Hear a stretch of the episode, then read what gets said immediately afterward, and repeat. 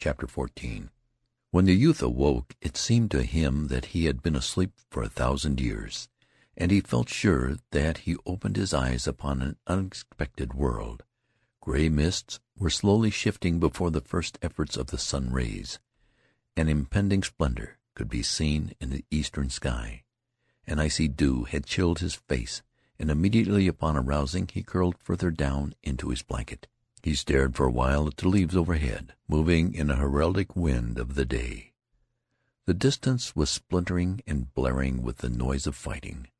There was in the sound an expression of a deadly persistency, as if it had not begun and was not to cease. About him were the rows and groups of men that he had dimly seen the previous night. They were getting a last draught of sleep before the awakening.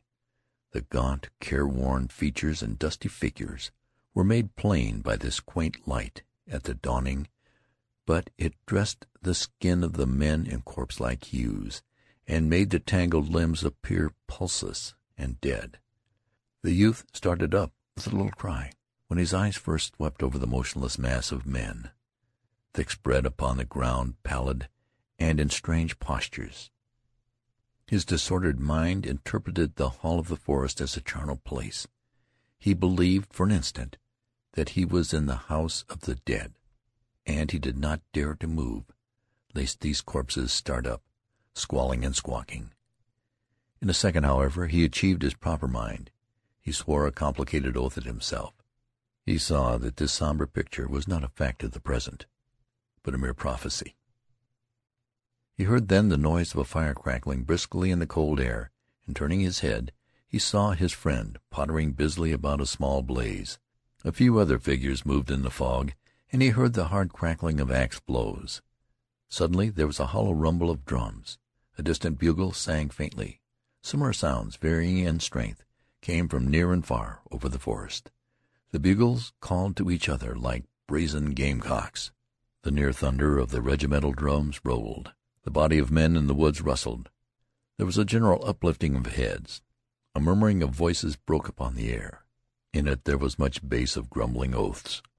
Strange gods were addressed in condemnation of the early hours necessary to correct war. An officer's peremptory tenor rang out and quickened the stiffened movement of the men. The tangled limbs unraveled. The corpse-hued faces were hidden behind fists that twisted slowly in the eye sockets. The youth sat up and gave vent to an enormous yawn. "Thunder!" he remarked petulantly. He rubbed his eyes, and then, putting up his hand, felt carefully of the bandage over his wound. His friend, perceiving him to be awake, came from the fire. "Well, Harry, old man, how do you feel this morning?" he demanded. The youth yawned again. Then he puckered his mouth to a little pucker. His head, in truth, felt precisely like a melon and there was an unpleasant sensation at his stomach. "Oh, Lord, I feel pretty bad," he said.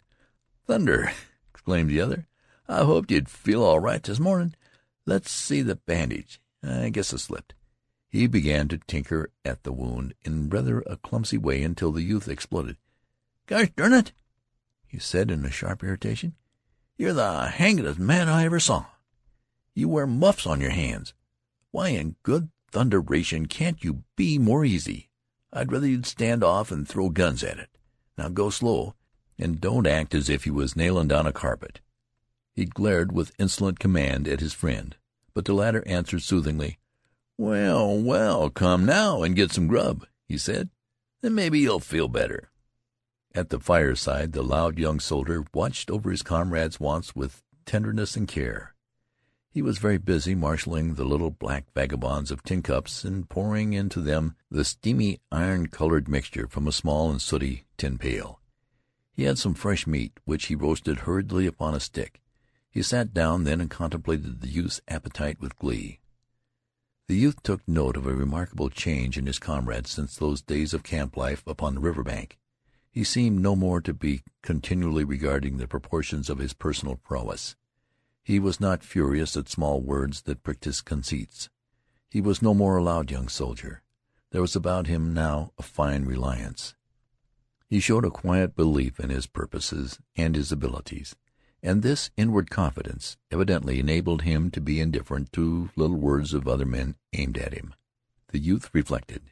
He had been used to regarding his comrade as a blatant child with an audacity grown from his inexperience, thoughtless, headstrong, jealous, and filled with a tinsel courage a swaggering babe accustomed to strut in his own dooryard. The youth wondered where had been born these new eyes, when his comrade had made the great discovery that there were many men who would refuse to be subjected by him. Apparently the other had now climbed a peak of wisdom from which he could perceive himself as a very wee thing, and the youth saw that ever after it would be easier to live in his friend's neighborhood. His comrade balanced his ebony coffee cup on his knee.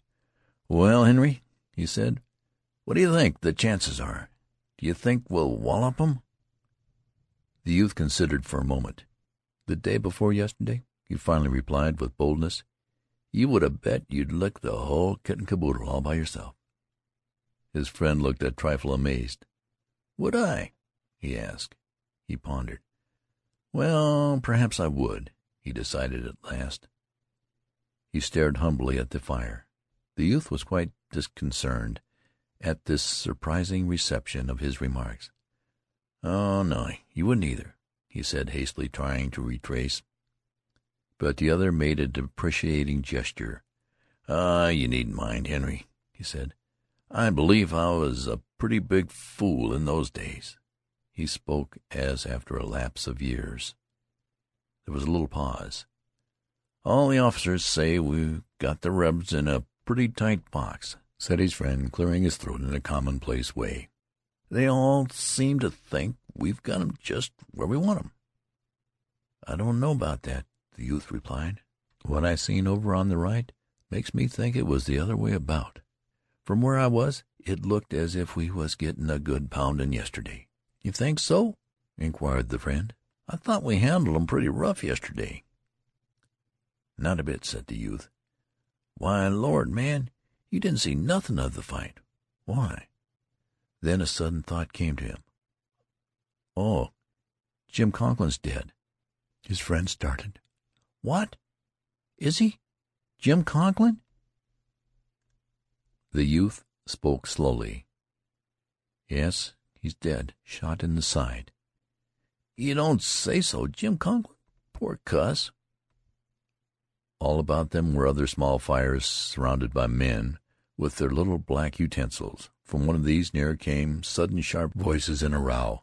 It appeared that two light footed soldiers had been teasing a huge, bearded man, causing him to spill coffee upon his blue knees. The man had gone into a rage and had sworn comprehensively. Stung by his language, his tormentors had immediately bristled at him with a great show of resenting a just oath. Possibly there was going to be a fight. The friends arose and went over to them, making pacific motions with his arms. "Oh, here now, boys, what's the use?" he said. "We'll be at the rebs in less than an hour. What's the good fightin' among ourselves?" One of the light-footed soldiers turned upon him, red-faced and violent. "You needn't come around here with your preachin'. I suppose you don't approve of fightin' since Charley Morgan licked you, eh? But I didn't see what business this here is of yours or anybody else." "Well, it ain't," said the friend mildly. "Still, I hate to see There was a tangled argument. "Well, he said the two, indicating their opponent with accusing forefingers. The huge soldier was quite purple with rage. He pointed at the two soldiers with his great hand extended claw-like. "Well, they But during this argumentative time their desire to deal blows seemed to pass, although they said much to each other. Finally the friend returned to his old seat. In a short while the three antagonists could be seen together in an amiable bunch.